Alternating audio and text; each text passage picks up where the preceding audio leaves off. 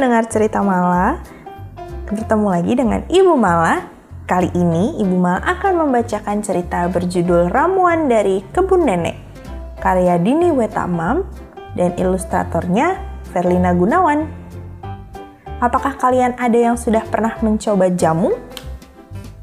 Bagaimana rasanya? Apakah kalian suka? Nah, di cerita kali ini kita akan mengetahui salah satu manfaat minuman jamu.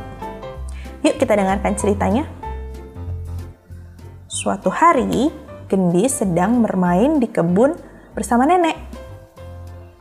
Aduh, perut Gendis sakit, Nek.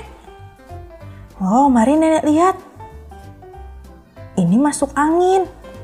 Gendis berbaring dulu, nenek buatkan sesuatu. Lalu nenek pergi ke kebun.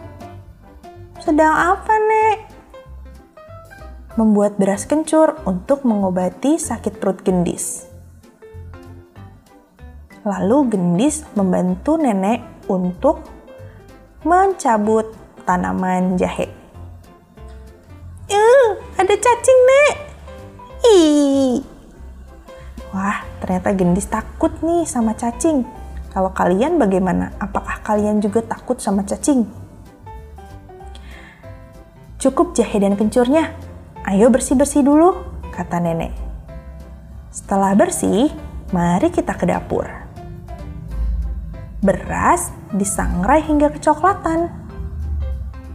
Nah, ini dia langkah-langkah cara membuat jamu beras kencur. Pertama, kencur ditumbuk bersama adas kedau, dan beras sangrai. Lalu, jahe dikeprek hingga gepeng. Setelah itu, gula aren diiris tipis. Lalu, jahe dan gula kemudian direbus.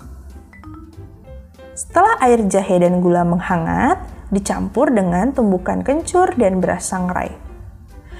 Nah, lalu campuran semua bahan tadi disaring. Diminum ya, agar angin di perut gendis keluar. Hmm, gak enak, Nek. Kalau dihabiskan, nanti nenek beri air gula ini. Lalu gendis meminumnya. Glek, glek, glek, glek. Hah? Perut gendis sudah gak sakit, Nek. Iya, lain kali kita buat jamu temulawak ya. Nah, itu tadi cerita berjudul Ramuan dari Kebun Nenek. Bagaimana? Apakah kalian mau mencoba jamu beras kencur seperti gendis? Apakah kalian ingat cara membuatnya? Oke, terima kasih sudah mendengarkan cerita Ibu Mala. Sampai ketemu di cerita selanjutnya. Dadah!